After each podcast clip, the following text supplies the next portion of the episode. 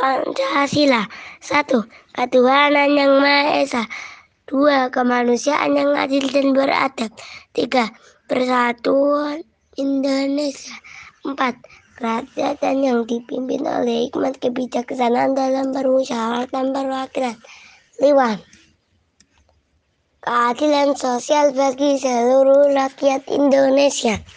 Assalamualaikum warahmatullahi wabarakatuh.